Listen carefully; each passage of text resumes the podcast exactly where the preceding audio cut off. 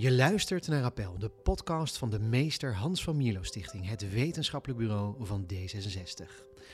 Een podcast waarin we op zoek gaan naar vernieuwende sociaal-liberale ideeën en oplossingen voor politieke en maatschappelijke vraagstukken. Mijn naam is Daniel Schut. En spring over de schaduw van je eigen achterban heen en laat je partijpolitieke idealen niet reduceren tot het inwilligen van degenen die hun stem hebben uitgebracht op jouw partij. Want dan kom je in Amerikaanse situaties waarbij uh, verkiezingsuitslagen eigenlijk afgekocht worden en eigenlijk mandatarissen opleveren die aan handen en voeten gebonden zijn aan hun achterban. Vandaag de dag lijkt de democratie steeds minder vanzelfsprekend. In veel westerse landen staat de rechtsstaat onder druk, viert het wantrouwen hoogtij en neemt de maatschappelijke polarisatie toe. Populisten en autoritaire leiders spinnen hier garen bij en zagen zo aan de poten van onze liberale, democratische rechtsorde. Ook in Nederland loopt de spanning op. Voordat we hier echter direct op de barricade springen om de democratie met hand en tand te verdedigen, zouden we ons moeten afvragen wat hier precies op het spel staat. Wat zou een democratie wel en niet moeten zijn? Immers, voordat we de wereld willen veranderen, moeten we haar eerst interpreteren. Dat is althans de stelling van onze gast van vandaag, Donald Loze, emeritus, bijzonder hoogleraar wijsbegeerte en in 2020 winnaar van de Socrates Wisselbeker voor het beste Nederlandse filosofieboek. Dan moet ik even weer terugscrollen. Ja, afgelopen oktober verscheen zijn nieuwste boek Democratie op wankele bodem. Een vuistdik werk waarin hij uit het werk van werelds grote politiek filosofen lessen trekt voor de democratie van vandaag. Van Machiavelli, Hobbes en Kant tot en met Carl Schmid, Chantal Mouffe en Jurgen Habermas. Aangezien Donald Loze in Brussel woont, spreken we hem via een online verbinding. Van harte welkom in de podcast Donald Loze. Dank u voor de uitnodiging. Ja, heel goed. Hey, we willen het graag straks uitgebreid hebben over, uh, over het nieuwe boek, uh, Democratie op wankele bodem. Maar eerst even vooraf, uh, het vorige boek dat je schreef, dat ging over vriendschap. Ehm, en het nieuwe boek gaat over de staat van de democratie. En dat zijn eigenlijk twee, ja, twee heel verschillende onderwerpen. Hoe kom je van vriendschap naar democratie? Nou, zo verschillend zijn ze eigenlijk niet. Ik heb mij de afgelopen jaren um, nogal ingelaten met uh, de Duitse verlichting en meer bepaald de filosofie van Kant. En de laatste werken van Kant die gaan eigenlijk over een zedeleer. En die zedeleer die valt uiteen in een rechtsfilosofie enerzijds en een deugdeleer anderzijds. Kijk, in die deugdeleer, daar gaat het over wat mensen individueel, individueel geacht worden aan verantwoordelijkheid op te brengen. En het blijkt dan dat bij Kant die deugdeleer uh, beëindigd wordt met vriendschap als een soort hoogtepunt van waar mensen eigenlijk met de beste bedoelingen proberen elkaar het goede uh, te wensen en te realiseren. Nou, als je dus die deugdeleer combineert met wat dan later de rechtsfilosofie is, waarbij het recht eigenlijk het fundament is waarop elke politiek gebaseerd is, dan zie je dat dat tweeluik eigenlijk um, een soort wederzijds versterkend betoog is om de collectieve vrijheid en de individuele vrijheid van mensen in gemeenschap voor elkaar te kunnen brengen. Dus het is een beetje een tweeluik dat um, vanuit het ene perspectief naar het andere verwijst. Want Kant is ervan overtuigd, net zoals Aristoteles destijds al, zonder goede staatsstructuur is het zeer moeilijk een goed moreel mens te zijn met een beetje beschaving. Maar zonder individuele verantwoordelijkheidsbesef en beschavingsgevoel van het individu is het heel moeilijk een democratie overeind te houden. Ja, dus ik denk dat die twee, die twee invalshoeken elkaar wel uh, wederzijds bevruchten. De, de, dus als ik het goed begrijp, is eigenlijk het perspectief van vriendschap is vanuit het individu naar de wereld om haar of hem heen. Um, ja. en, en is het idee van democratie en mensenrechten, dat is meer de staat en de samenleving naar het individu toe? Vat ik hem zo goed samen? Ja, zeker. Ja. Dat, uh, dat is en goed. in beide gevallen gaat het om het verbreden van het concept van de vrijheid uh, naar een vorm van positieve vrijheid. Wat uh, denk ik een van de grote problemen van vandaag is, dat wij heel dikwijls blijven steken in wat dan sedert de analyses van Berlin negatieve vrijheid wordt genoemd, in de zin van ik beschouw vrijheid als door de ander niet gehinderd worden ja. in wat ik zelf wil. Ehm, maar dat schiet uh, zowel in de deugdenleer als in de politieke filosofie en de rechtsleer schiet dat tekort. Want uiteindelijk uh, niet gehinderd worden in wat ik wil, betekent natuurlijk dat ik uh, diezelfde redenering onmiddellijk moet maken ten opzichte van ieder ander die er ook zo over denkt. En dus moeten we natuurlijk een, een, een, een compromis vinden waarbij ik besef dat mijn vrijheid maar zo ver reikt als waar ik de vrijheid van de ander niet schaad. Ja. Of met andere woorden, dat voor een recht altijd een plicht daartegenover staat. Niet alleen ten opzichte van mezelf, maar ook ten opzichte van ieder ander. Ja, ja. Dit, dit, dit vind ik een mooie zin en ik wil daar straks nog wat dieper op ingaan, want dit heeft ook te maken met, uh, met in het boek uh, wat je schrijft, de crisis van het liberalisme. Uh, maar ja. laten we eerst het hoofdthema uit de titel erbij pakken, namelijk die democratie op wankele bodem. Ja. Ho hoezo is de democratie op wankele bodem? Nou, in mijn boek ben ik uitgegaan van Machiavelli en wel ook van een positief beeld uh, ten aanzien van Machiavelli, omdat ik denk dat het een van de grote, geniale denkers is van het begin van de moderniteit, die begrepen heeft dat uh, de fundering van ons politiek bestel berust op een conflict situatie. En Machiavelli beschouwt dat eigenlijk als een goede zaak. Um, in die tijd was er natuurlijk ook deeltijds kritiek op uh, de ideologie van een uh, regime dat geregeerd werd door een christelijke vorst, waarbij dus eigenlijk de waarheid niet gecontesteerd kon worden, waarbij de eenheid van de samenleving als een utopisch rijk gods eigenlijk hier op aarde al min of meer werd voorbereid. Maar Machiavelli zag natuurlijk om zich heen wat dat met de pauselijke politiek en met de politiek uh, van grote uh, christelijke vorsten in ja. die tijd betekende. D dat was dus in de tijd, woorden... voor de mensen die het niet weten, dat was in de tijd van uh, de Medici en de Borgia's, ja. corrupte pausen. Ja die, ja, dat ja. is... Uh, en ja. dus, uh, back to reality, um, uh, la verità effettuale delle cose politiche, de werkelijkheid van de politiek die ik om mij heen zie, zegt Machiavelli, dat is het fundament waarop ik een, een politiek wil bouwen. En dan zegt hij, ja, laten we eerlijk wezen, wat ik om me heen zie is een permanent conflict van een elite, de grandi, degene die aan de macht zijn, en il popolo, het volk, een massa, een meerderheid, die zich daartegen verzet. En waar ik eigenlijk op wil wijzen, zegt Machiavelli, is dat dit primo niet te vermijden is, onontkoombaar. Dit is het wezen van de politiek. Er is een machtspositie en er is contestatie van die macht. En punt twee, dit is een goede zaak. Want alles wat in de loop van de geschiedenis ooit vooruitgang heeft betekend, is het resultaat van dit conflict. Met andere woorden, van het je niet neerleggen bij een ideologie die stagneert, die niet meer evolueert, die dus geen toekomst meer biedt. De vooruitgang komt eigenlijk in grote mate van de contestatie. Ja. Maar dat betekent natuurlijk dat de democratie gebouwd is op een wankele bodem, in de zin van je moet voortdurend op twee benen stappen die eigenlijk niet met elkaar samen willen opgaan. Want degenen die geregeerd worden, die willen niet geregeerd worden. Op de wijze zoals ze geregeerd worden. Door de elite. Met andere woorden. Ja, ja. door de elite. En de elite die weet heel goed wat ze wil. De elite die wil haar macht behouden. En die is uh, uh, met alle mogelijke middelen bereid om uh, dat te verdedigen. Dus de elite weet heel goed wat ze wil. Het probleem, zegt Machiavelli, is dat het volk terecht zich verzet tegen deze machtsuitoefening, maar dat het eigenlijk niet weet wat het dan zelf wel wil.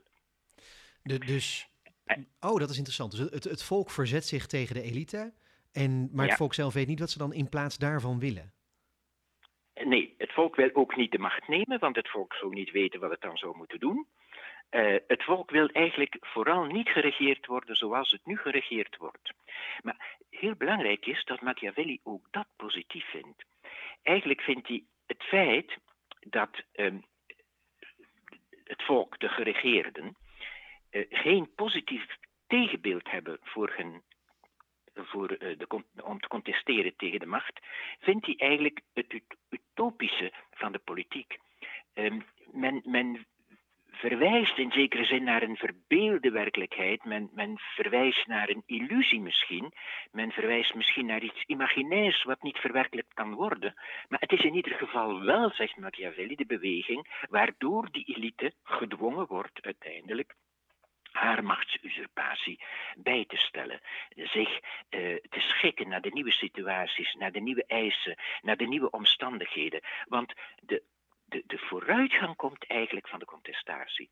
En dus democratie op wankele bodem is dus een, een ambiguë uitdrukking, want het, het stelt eigenlijk iets vast wat onontkoombaar is. Het stelt iets vast wat intrinsiek ook zelfvernietigend kan zijn voor de democratie, want wanneer deze oppositie niet gemedieerd wordt, niet leidt tot adaptatie van de machtigen, dan kom je tot anarchie.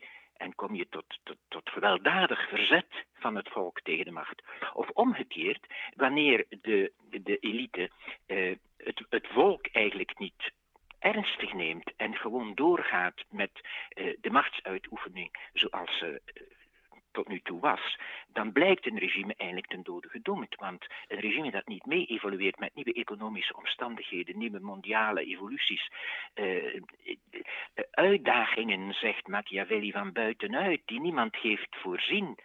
Uh, grote oorlogen die uitbreken, de pest die uitbreekt, een pandemie die uitbreekt in de huidige omstandigheden, nieuwe geopolitieke omstandigheden van de grootmachten op wereldniveau, als de huidige macht daar niet weet op in te pikken, dan heb je een groot probleem. Ja. En dus, um, wat is de oplossing die Machiavelli dan suggereert? De oplossing is, zegt Machiavelli, dat je een platform moet hebben, dat je een niveau moet hebben, dat je een instantie moet hebben die die conflicten kan bemiddelen. En voor Machiavelli is dat de republiek, is dat goede wetgeving, kunnen terugvallen op goede wetten. En met eh, het, het wetsysteem waarover je beschikt, wij zouden de dag van vandaag zeggen met uh, de checks and balances, met uh, de scheiding der machten tussen wetgevende macht, executieve en een goede controle van de rechterlijke macht. Wanneer deze instellingen goed functioneren, dan zullen beide partijen namelijk inzien dat het beste wat ze kunnen doen zich beroepen is op die gevestigde macht die eigenlijk niet van de elite is, maar ook niet van het volk is. Als ik het, als ik het goed begrijp, laat ik het even proberen samen te vatten, zeg je eigenlijk, nou ja, die, die tegenstelling tussen volk-elite, die is er altijd, die zal er altijd zijn. Eigenlijk is die wankele bodem dus ook goed, want dat is wat, wat uiteindelijk democratisch is. Maar wat je dan het beste kan doen bij het inrichten van een staat is instituties inrichten die tegelijkertijd ook een soort arena zijn. Dus je, je, je bouwt bijvoorbeeld een parlement en het is juist de bedoeling dat, nou, bijvoorbeeld in Nederland in de Tweede Kamer, is het juist de bedoeling dat daar verschillende partijen fundamenteel met elkaar ruzie hebben en het fundamenteel met elkaar oneens zijn. Vat ik hem zo goed samen?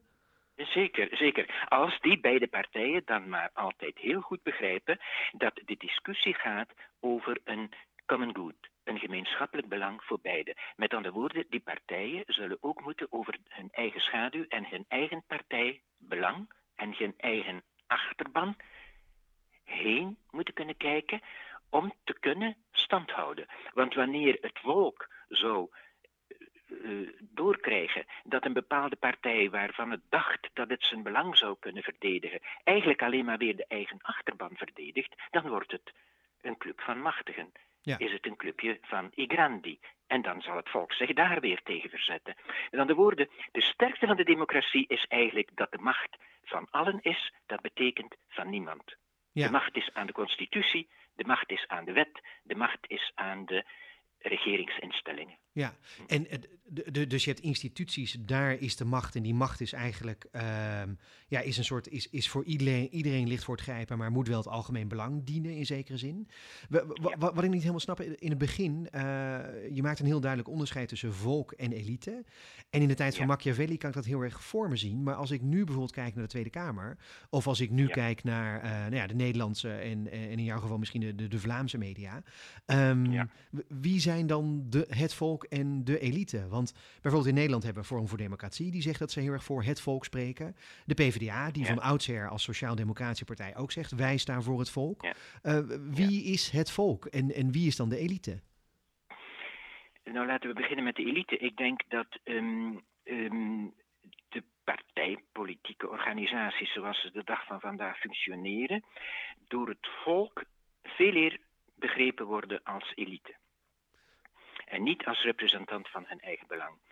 Um, met andere woorden, dat is een van de grote constataties ook van het populisme. De experten, degenen die de macht hebben, uh, het zijn de spreekbuizen van bijvoorbeeld de grote financiële machten. Ja. Ehm, de politiek wordt geregeerd door het bruto nationaal product dat uh, op orde moet zijn en de schuldenlast. En alle beslissingen worden in zekere zin uh, genomen in functie van de economie, uh, van de grote bedrijven. de brievenbussystemen hebben het voor het zeggen en zijn anoniem, niet grijpbaar. niemand weet wie erachter zit. Er is een soort onzichtbare elite die uh, regeert achter de schermen van degenen die zich voordoen als de vertegenwoordigers van het belang van het volk. Maar, maar dat, dat, klinkt, sorry voor de onderbreking, maar dat klinkt bijna als een soort complottheorie. Als een? Als een soort complottheorie. Ja, dat is wat tegenwoordig denk ik het grote probleem van het populisme is. Dat het, dat het populisme eigenlijk uh, het, het, volk bespeelt op die manier door uh, de functie van degene die de macht uitoefenen volledig te reduceren tot een stelletje uh, uh, machtigen die alleen maar eigenlijk geïnteresseerd zijn in het behouden van hun eigen macht. En dat is denk ik het, het, het, het, het crisismoment van onze huidige democratie, dat de, de positie van het volk in plaats van, zoals Machiavelli zich dat droomde, zich dan te beroepen op de instellingen van de democratie, zich te beroepen op de rechterlijke macht om inderdaad recht te eisen of zich te beroepen op het, het, het stemgerechtigd eh, zijn van het volk om voor een partij te stemmen waaraan men alsnog zijn vertrouwen kan geven, men steeds minder vertrouwen heeft in die representanten van de democratische macht. En dat is in ieder geval een crisismoment, zou ik zeggen, van wat de democratie op wankele bodem uitmaakt. Dus met andere woorden, er is bij het volk iets gebeurd wat de democratie ook ondermijnt. Hm? een soort fundamenteel wantrouwen, ja. ja als ik, ja, het, als ik Marcel Gauchet, een filosoof die in het verlengde van Claude Lefort heeft geschreven, en Lefort is eigenlijk de man die mij in de tijd de ogen heeft geopend voor het uiveren van Machiavelli, dus dat is wel een beetje een directe lijn. Uh, Gauchet wijst erop dat de crisis eigenlijk van onze huidige democratisch bestel voor een groot deel te maken heeft met um, het, het, het wantrouwen van het volk in de politieke instellingen, maar dat dat ook te maken heeft met het feit dat onze rechtsstaat geëvolueerd is uh, naar een uh, cultuur waarin het individuele claimen van het eigen recht uh, in, in, de civil society door alle mogelijke identiteiten die zich tegen elkaar opstellen, uh, door allerlei uh, particuliere belangen die zich profileren, dat ons rechtssysteem steeds meer geëvolueerd is naar het claimen van singulier eigen particulier recht. En natuurlijk, het volstrekt singuliere, het volstrekt unieke, het volstrekt eigene, dat kan nooit door de politiek worden ingewilligd. Dat kan ook niet door een rechtssysteem worden ingewilligd, want een rechtssysteem gaat over het algemeen recht dat voor iedereen gelijkwaardigheid probeert te bieden, zonder daarom iedereen gelijk te kunnen achten en, en, en, en, en, en, en misschien gelijkwaardig achten. Maar je kunt, en hopelijk moet je dat ook nooit willen, toch niet van het recht een, een, een maatschappij, een civil society willen afdwingen, waarin ofwel iedereen zijn eigen hoogst particuliere recht kan claimen, want dat zal onmiddellijk tot anarchie leiden, maar toch ook niet waarin iedereen als gelijkelijk erkend behoren tot de eigen club, behoren tot het eigen volk, behoren tot de onverdeelde samenleving uh, kan worden beschouwd, want dat is dictatuur. En dus wij, wij dreigen eigenlijk met onze, met onze, met onze rechtssystemen uh, het, het, het, het onmogelijke te verwachten van de politiek. Ja, maar maak het eens concreter, want uh, het, het, klinkt... Dit klinkt eng natuurlijk, hè? als je zegt dictatuur, als je zegt uh, afdrijven naar anarchie. Um, maar ik zie dat nog niet concreet gebeuren. Als ik bijvoorbeeld politieke partijen in Nederland erbij pak, en vergelijkbare zullen er waarschijnlijk ook wel zijn in, uh, in Vlaanderen en in België. Ja. Um, ja. Neem bijvoorbeeld een partij als Bijeen, die, die heel duidelijk ja, een soort identiteitspolitiek toch wel claimt.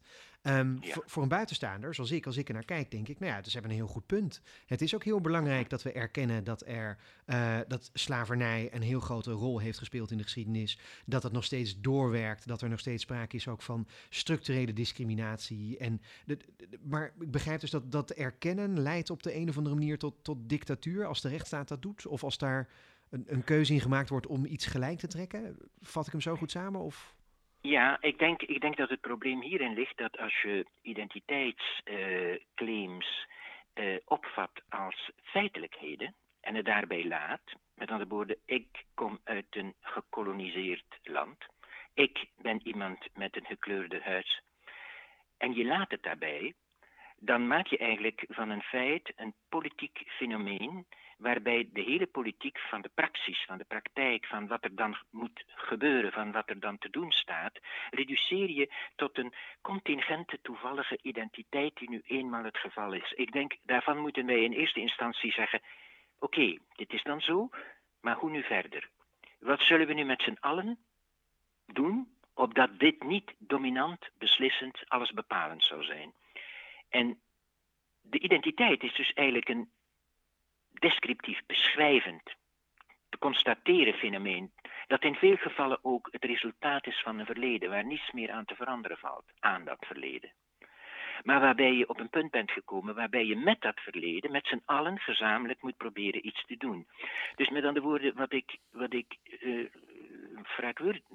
problematisch vind in de identiteitsclaims, is dat ze heel dikwijls blijven steken in het ressentiment ten opzichte van het verleden, in plaats van eigenlijk de deur open te zetten naar de dialoog om met z'n allen te proberen op basis van die identiteit een gemeenschappelijk traject uit te zetten, waarbij degene die uit het verleden beschouwt tot de machtigen en de belagers en de, en de verdrukkers behoren, de kans krijgen in gesprek te gaan met degenen die zich als verdrukten terecht op hun op hun rechtseisen staan, maar dan wel als een rechtseis. Dat wil zeggen waardering, respect eisen, maar niet de identiteit van het verleden uh, als zodanig uh, als laatste woord hanteren. Ja. Ik weet niet of ik mij voldoende duidelijk uitdruk.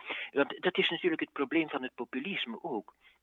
Uh, dat men eh, heel dikwijls vervalt men dan aan, in de andere partij in een soort nationalisme uit het verleden. Waarbij men ook niet in gesprek wil gaan. Dus het probleem staat zich aan beide kanten van de identiteitsproblematiek. Zowel als, uh, als, als degene die een nieuwe claim formuleren, als degene die zich belaagd voelen door die nieuwe claim van andere bevolkingsgroepen. Net zo goed bij de nationalistische partijen en eigen volkpartijen en, en eigen identiteit en cultureel kanon en de grootheid van de nationale cultuur cultuur, die meestal fake is trouwens, en verzonnen en heel eenduidig en heel selectief, uh, dan vervalt men in dezelfde problematiek, waarbij men stagneert bij een descriptief verleden.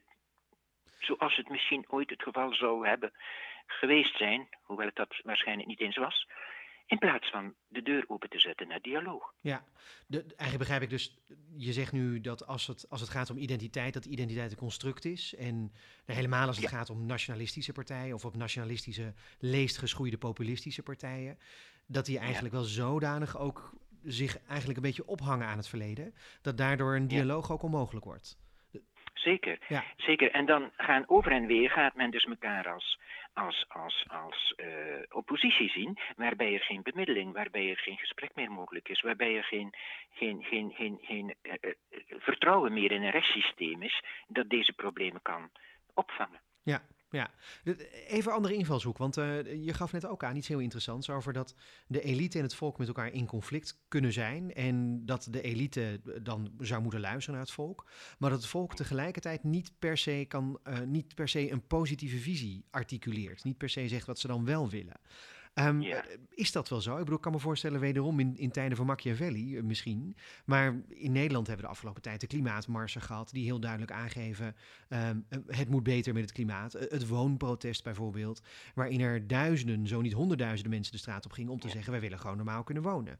dat is toch een hele duidelijke, heldere en, en empirisch makkelijk vertaalbare visie die ze hebben? Ja, dat is zo. Maar uh, dan weet je wat je wil, maar dan weet je nog niet hoe je dat gaat bereiken. Ah, zo. Met, ja. Ik bedoel, uh, het volk weet dus illusoir, weet utopisch, weet uh, idealitair wat het wel zou willen. Maar het volk weet niet wat het dan moet willen om dat te bereiken. Um, met andere woorden, er is een gesprek nodig tussen, laten we zeggen, de experts en de eisen van het volk. En de bemiddeling van wat experts, uh, experten uh, weten en uh, haalbaar achten en op middellange termijn geloofwaardig achten en op korte termijn haalbaar achten. Dat alles vraagt natuurlijk een, een, dialoog en een, en, een, en een lange termijnvisie en een, en een brede consultatie waarin het volk één van de stemmen zal zijn. Um, kijk, je kunt, je kunt natuurlijk onmiddellijk zeggen, um, we sluiten alle kerncentrales. Um, heel goed, maar je moet wel weten dat je terzelfde tijd zoveel banen schrapt. En dat onmiddellijk andere belangengroepen zullen zeggen, nou, dat is dus de werkloosheid creëren. Je zult dus een oplossing moeten hebben hoe je dat op een andere manier oplost. Je kunt zeggen, uh, ik laat me niet vaccineren. Oké, maar je zult onmiddellijk moeten een antwoord zien te verzinnen hoe je omgaat met het blijven uh, onder ons woekeren van een pandemie. Die uh, de economie schaadt, die het uitgangsleven schaadt, die de vrijheid van mensen schaadt, uh, die bejaarde leeftijdsgroepen opzetten tegen jongeren die zeggen: Nou, het maakt ons niet uit, wij worden toch niet zo ziek. Het volk heeft altijd een one-item-eis. Maar, maar laat dat eigenlijk niet zien dat, die, dat, dat dat woord het volk, dat het eigenlijk maar een soort lege retorische constructie is. Dat daar, daar binnen het volk heel veel mensen zitten met heel veel verschillende visies en wederzijds zeker. uitsluitende visies op wat het algemeen belang is. Zeker, zeker. En dus in die zin, um, in die zin is, is, dat zei Machiavelli ook al, hè? hij zei het volk dat, dat valt meteen zelf uiteen wat hij in zijn tijd uh, il popolo miniato, dus het plebs, de, de, de, onderste laag van de samenleving noemde. En je hebt il popolo grasso, de welgestelde, die, uh, ja, dat is eigenlijk de opkomende burgerij. En die hebben ook nog soms meer gemeen met, met, met bevolkingslagen boven hen, waar ze naar opkijken, dan met degene waar ze neerbuigend op neerkijken. Dus het, het volk, dat is alles wat het niet eens is met de heersende macht. Dat is trouwens ook de manipulatie van elke populistische partij die altijd spreekt over de wil van het volk. Uh, de wil van het volk, nou, het volk is verdeeld. Ja. Uh, er is geen wil van het volk. Er is, er, er is, er is uh, verzuchting van het volk. Er is verwachting van het volk. Er is uh, illusoire verwachting zelfs van het volk ten aanzien van wat de politiek allemaal voor elkaar zou kunnen brengen en krijgen om die particuliere eis van die groep van het volk te realiseren. Maar het volk is, is, is verdeeld, altijd. Fundamenteel, als u het volk beschouwt als het volk dat een natie uitmaakt, dan is het volk elite en volk. Ja. Als u zegt, ja, maar ik heb het over dat andere volk, dat volk dat, dat contesteert, nou, dan is de democratie niet de macht van het volk, want dat zou de macht zijn van een grote groep die alleen maar niet weet wat, wat ze, uh, die alleen maar weet wat ze niet wil. Ja. Ja. Dus men speelt voortdurend op de, op de dubbelzinnigheid van het volk. Wat hier misschien ook wel in raakt, is, is uh, de ondertitel van het boek, namelijk uh, het verschil tussen. De, de ondertitel is over de politiek en het politieke. Heeft dat hiermee te maken? Ja, in die zin dat um, een van de crisismomenten, denk ik, van de huidige democratie ook is dat wij de politiek herleiden tot wat dan in het boek ook de politiek heet. Hè. Dat is namelijk het management, dat is het governance, dat is het uh, beleid, dat is het uh, decreteren van eh, besluiten en dat is het stemmen van wetten. en dat is dus het hele hebben en houden van het, politieke bedrijf. Hm? Maar wat wij voor een deel vergeten zijn, is dat dat hele politieke bedrijf functioneert in een veel bredere culturele, um, uh, context. Uh, hoe denken mensen over de zin van hun bestaan? Uh, wat vinden ze de primaire belangen die ze in hun, hun, leven gerealiseerd willen zien? Um, hoe kijken wij naar de geschiedenis? hebben we de geschiedenis zo geschreven dat ze de machtige uitkomt? Moeten we de geschiedenis herschrijven? Hoe kijken we naar de toekomst? Hebben we nog wel een lange termijnvisie op de toekomst? Um, betalen we nou niet de prijs voor het feit dat we de politiek hebben herleid tot, tot ad hoc, momentaan crisismanagement? Ja. Uh, en, en, en, en eigenlijk al decennia lang geen lange termijnvisie meer hebben. Het was uh, in de tijd bon mot in de Belgische politiek om te zeggen: ik pak de problemen aan wanneer ze zich voordoen. Pragmatisch, nou, zouden we zeggen bij D66. Ja, wanneer ze zich voordoen is het te laat. Uh, wanneer de pandemie uitbreekt, is het te laat. Wanneer de aarde opwarmt met zoveel graden per jaar, is het te laat. Dus de problemen moeten op lange termijn door de politiek ook worden opgepikt. Maar de politiek kan dit ook alleen maar wanneer de bevolking, de, de, de, dus de staatsburger, besef heeft van het feit dat zijn staatsburgerschap inderdaad staats burgerschap is en niet louter uh, uh, het burgerschap van iemand die zijn eigen privébelang en eigen privérecht claimt. Uh, dat we dus het common good moeten cultiveren, dat we aan bildung moeten doen in de samenleving, dat we via onderwijs, via ehm, kritische journalistiek, via universiteiten die meer zijn dan banenopleiding, mensen, minstens de intellectuele elite van een land, moeten het besef bijbrengen dat er meer in de politiek speelt dan economie. Ja, en, en dat is dus het onderscheid tussen de politieke en het politieke. De politiek, dat gaat over die instituties en arena's. En het politieke, dat gaat over visie, dat gaat over uh, argumentatie, dat gaat over standpunten. Ja. Uh, Dat gaat ook echt over een diagnose wat er mis is met de wereld. En, en wat er dan beter kan eigenlijk inderdaad. Dus het gaat meer over, je gebruikt het woord narratief, je gebruikt het woord cultuur, gebruik je daar eigenlijk bij. Ja, ja, ja. je kunt ook zeggen, het gaat over de ideologie die op een bepaald moment uh, bepalend is. En die ook altijd haar vlekken heeft. En dus elke ideologie die op een bepaald moment dominant is, en bijvoorbeeld in de neo-liberale, uh, doorgeschoten variant van een correct begrepen liberalisme alles vermarkt en alles reduceert tot parameters van uh, winst en verlies. En dus ook iedereen opvat als een concurrent van ieder ander, want ik moet mijn baan eigenlijk bevechten tegen de concurrent van degene die ze anders in mijn plaats zou kunnen krijgen. Wanneer men dus de hele levensomstandigheden van mensen tot dit concurrentiemodel reduceert, ja, dan zit je in een bepaalde ideologie die als het politieke de hele politiek domineert. Ja, en, en wat er dus eigenlijk, en dan, dan, dan schieten we inderdaad nu door naar, naar het gesprek over de crisis van het liberalisme, zoals je dat noemt. Um, maar als ik het goed begrijp, zeg je dus eigenlijk het neo, wat het neoliberalisme dus eigenlijk heeft gedaan, is uh, het politieke depolitiseren. Dus die, die grote vragen die we elkaar kunnen stellen als mens. Daarvan heeft gezegd, die reduceren we tot... je bent een werknemer of je bent een bedrijfseigenaar. Zorg ervoor dat je geld verdient, dat je een leven leidt... leidt dat je een huis kunt kopen. Um, consumentisme, dat soort woorden hangen daar allemaal bij. Ja, dat ah, denk ik. Ja, ja, ja, ik probeer het dan even te vatten, want dat neoliberalisme dat is natuurlijk opgekomen na de Tweede Wereldoorlog, voor zover het bestaat. Ja. er, er, zijn neoliberalen, tenminste mensen die ervan worden verweten neoliberaal te zijn, die zeggen dat ze zichzelf nooit neoliberaal hebben genoemd. Um, hoe, hoe is dat ontstaan ooit?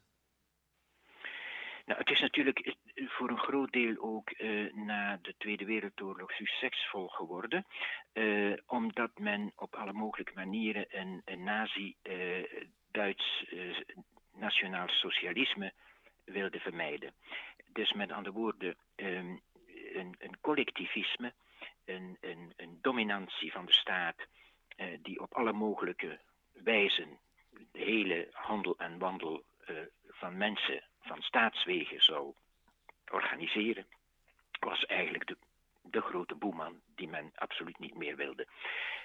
Bovendien had je in uh, West-Europa natuurlijk na de Tweede Wereldoorlog de crisis van de politieke uh, situatie, die ook een economische toestand uh, was, die onmiddellijk moest worden heropgebouwd, namelijk de vrije onderneming, de heropbouw van een een, Europa dat eigenlijk in puin lag, moest maximaal worden aangedreven. Dus de onderneming en de vrije onderneming en de economische heropstart van Europa was eigenlijk een, een, een, een primaire belangrijke factor van de politiek van die tijd. En dus kreeg je een combinatie van zo weinig mogelijk politieke bemoeienis met het algemene reilen en zeilen van het leven van mensen in het algemeen. Dus zo weinig mogelijk ideologie, zo weinig mogelijk zingeving, zo weinig mogelijk uh, je moeien met wat privé is. Alles inzetten op de wederopbouw en alles inzetten op het uh, faciliteren van maximale kansen voor de economie om herop te starten.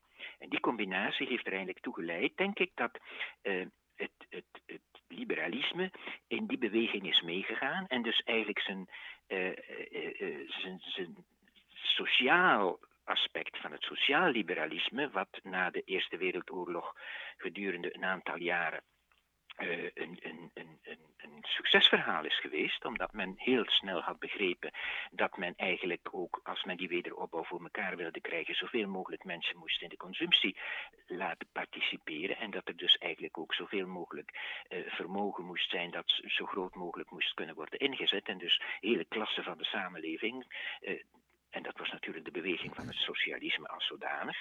Maar het compromis van liberalisme en socialisme heeft zich een tijd lang weten op te dringen als de ideale combinatie, waarbij dus eigenlijk eh, die beide aspecten goed met elkaar op konden gaan. Tenminste, zolang de geopolitieke omstandigheden en, en, de, en de economische situatie dat toelieten. Want op een bepaald moment werd natuurlijk die verzorgingsstaat werd natuurlijk onbetaalbaar. Ja. En men zag ook de uitwassen, die mede door het socialisme uh, tot stand zijn gebracht, zag men steeds meer als eigenlijk de ondermijning van een goed economisch bestel. Namelijk de rechten van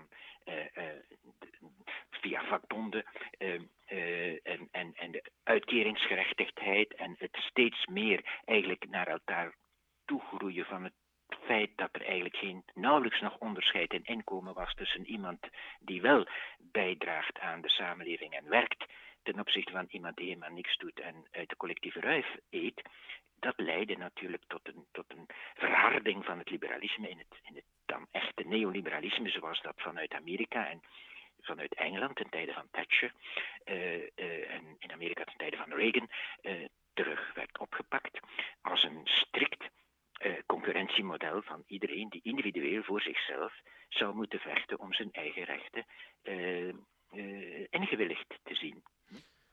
Maar, dan is een belangrijke vraag wel. Hè? Je begint het verhaal van neoliberalisme uit te leggen als dat is ontstaan eigenlijk in de tijd van de wederopbouw, na de Tweede Wereldoorlog. Um, als een soort pacificatiemodel eigenlijk, als een soort van we gaan het, het politieke gaan we depolitiseren. Um, ja. Maar dan vraag ik me wel af, hadden, die, hadden de liberalen en sociaaldemocraten en uh, ieder ander, de christendemocraten toen in Europa, hadden die daar eigenlijk niet gewoon een heel goed punt? Want op het moment dat je uh, het politieke, dat je toestaat dat het politieke heel ver agonistisch kan polariseren, um, ja, ja, dan, dan bedoel, laat ik het anders zeggen. Van het nationaal socialisme kun je heel veel dingen zeggen. Het is natuurlijk een walgelijke ideologie. Maar het deed wel precies datgene uh, wat je hier nu zegt van wat, wat het politieke zou moeten zijn. Namelijk heel erg polariseren en heel erg uh, agonistisch zijn en heel duidelijk een verhaal neerleggen. Um, dat denk dat we met z'n allen wel over eens kunnen zijn dat we dat echt nooit meer willen. Ja, maar uh, uw vraag is of het, of, of het nationalisme dan niet een goede oplossing was.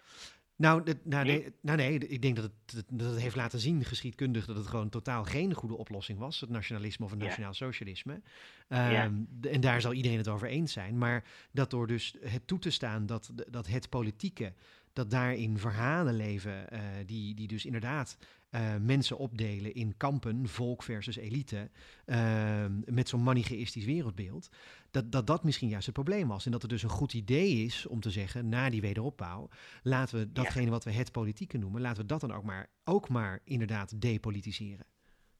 Ja, maar dat is natuurlijk het probleem dat dat, dat, dat een fictie is. Dat, je, dat is een van de grote ficties van het doorgeschoten neoliberalisme.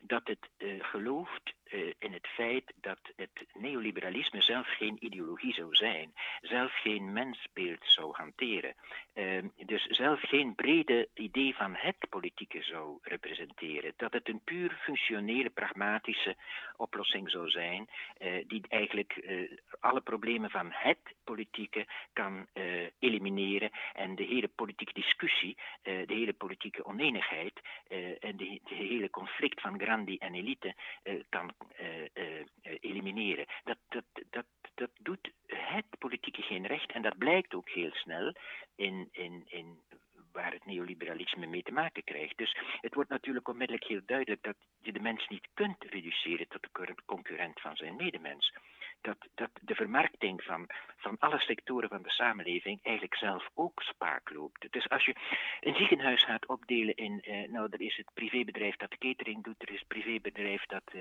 de onderhoud doet, het privébedrijf dat eh, de schoonmaak doet, het privébedrijf dat eh, de artsen vertegenwoordigt, het privébedrijf dat de zorg, het zorgpersoneel, dan krijg je onmiddellijk het conflict van het politieke, namelijk van met welk recht claimt u dit recht ten opzichte van mij? Dus het, neoliberalisme in doorgedreven variant eh, legt onmiddellijk weer het conflict op tafel. En, maar eigenlijk dus via, via de, de achteruitgang eigenlijk een beetje. Het, verstopt het een beetje.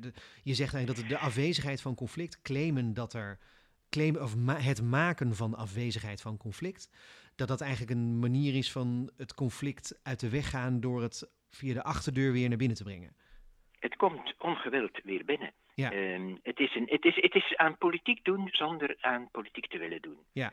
Het, is, het, het, is, het is een ideologie die van zichzelf beweert geen ideologie te zijn.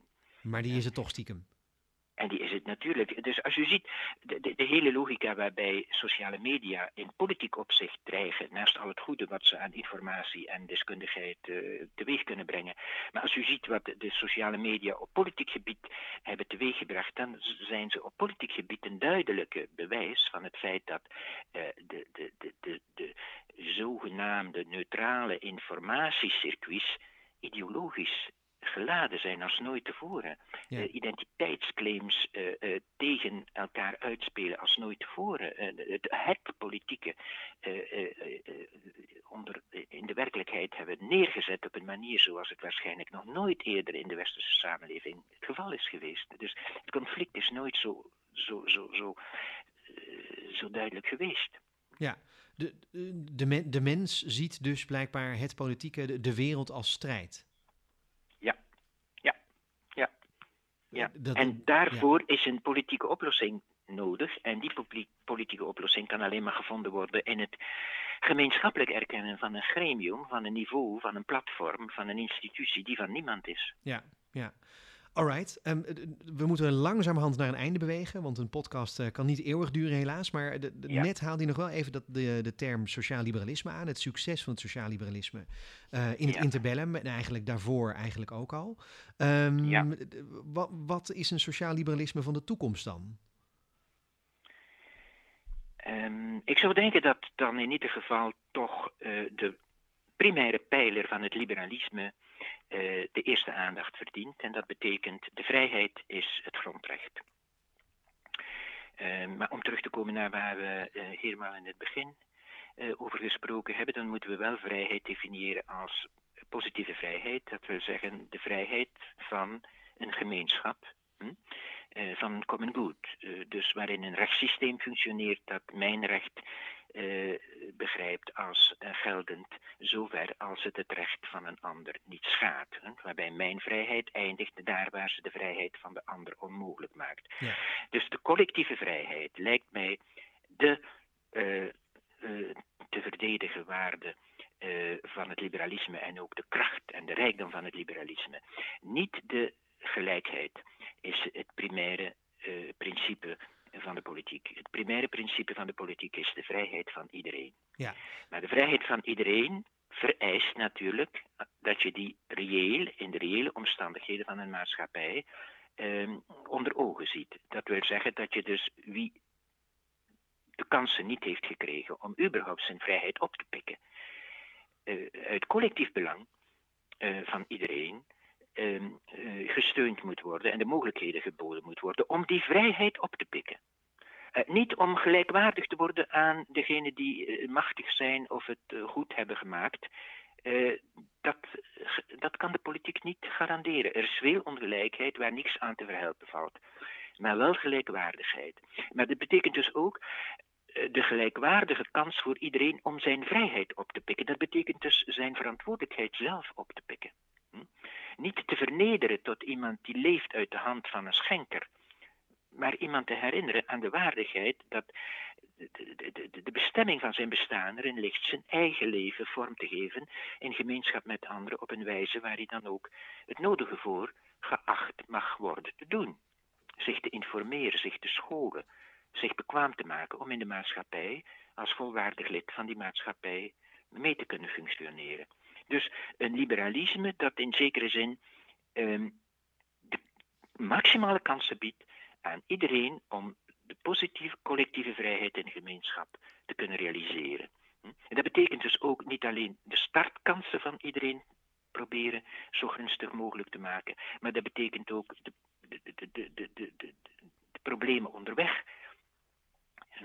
Eh, in de loop van het parcours uh, proberen uh, die bij te uh, halen. En op een bepaalde manier degene die uit de boot dreigen te vallen door ongevallen onderweg. Op, in de mate van het mogelijke die ook in de samenleving weer bij de gemeenschap te brengen. Dus een start en parcours van, van alle burgers als gelijkwaardig proberen te faciliteren in naam van de positieve vrijheid van iedereen in gemeenschap met ieder ander. En de staat is daarvoor de beste de rechtsstaat is daarvoor de beste uh, institutie. Hè? Uh, de staat is geen middel om de samenleving te bezetten, vorm te geven op een wijze zoals een bepaalde ideologie meent dat dat zou moeten. Uh, de staat is een, is, is, is, is een instantie waarbij burgers het conflict dat in de civil society leeft op een beschaafde manier met elkaar kunnen proberen gestalte te geven. Dus de beweging is van onder naar boven toe.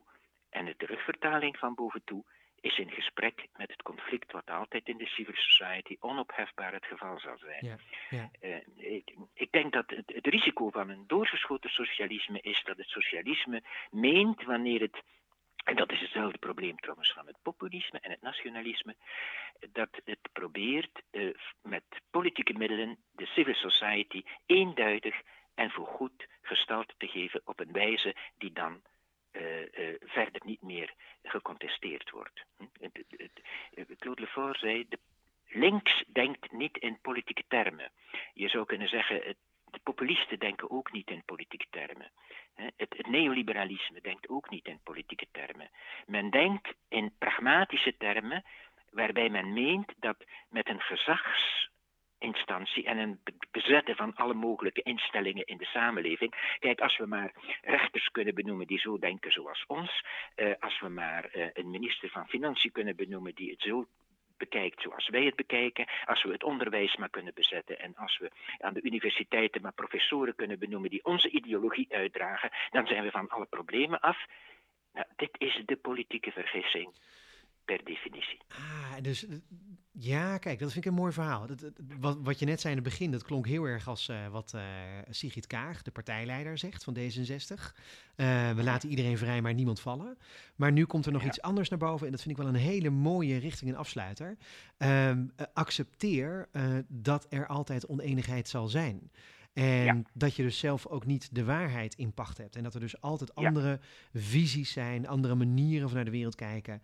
Um, een, soort, ja. een soort waardentolerantie dan misschien toch ook wel. Tot bepaalde hoogte natuurlijk. Ja. Zeker, zeker. En spring over de schaduw van je eigen achterban heen.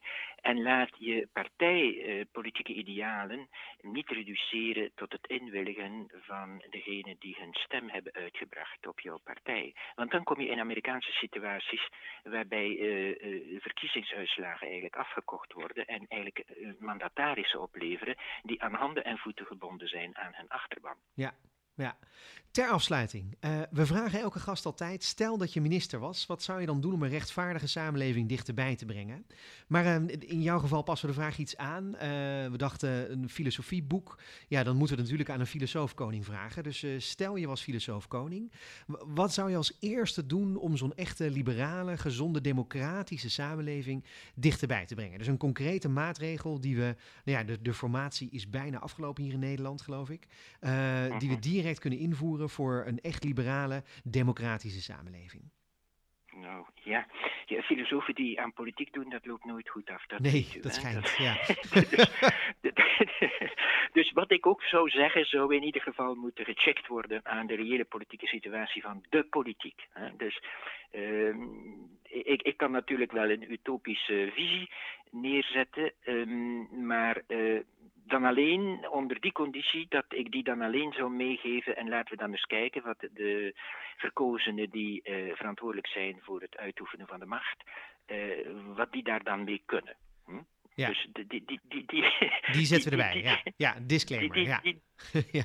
Maar, maar, maar um, uh, voor de rest zou ik toch zeggen dat het maximaal proberen garanderen van de sociale cohesie als een, een, een, gemeenschappelijk goed toch de taak is van elke politieke partij. Dus de bereidheid om in die zin um, uh, uh, in de gremia die daarover gaan, namelijk de Kamer en de wetgevende vergadering, uh, het politieke zo te zien dat de primaire taak is niet het inwilligen van de achterban, maar het uh, gezamenlijk met oppositionele partijen, waarmee men het niet eens is, van gedachten te wisselen over wat uh, uh, het beste deze primaire opgave van de politiek dient. Hè? De sociale cohesie, de samengang van de civil society, ondanks haar verschillen en haar verdeeldheid. En dan denk ik dat in de huidige omstandigheden um, eigenlijk um, er is een opvoedingstaak, denk ik, en er is een korte termijn taak.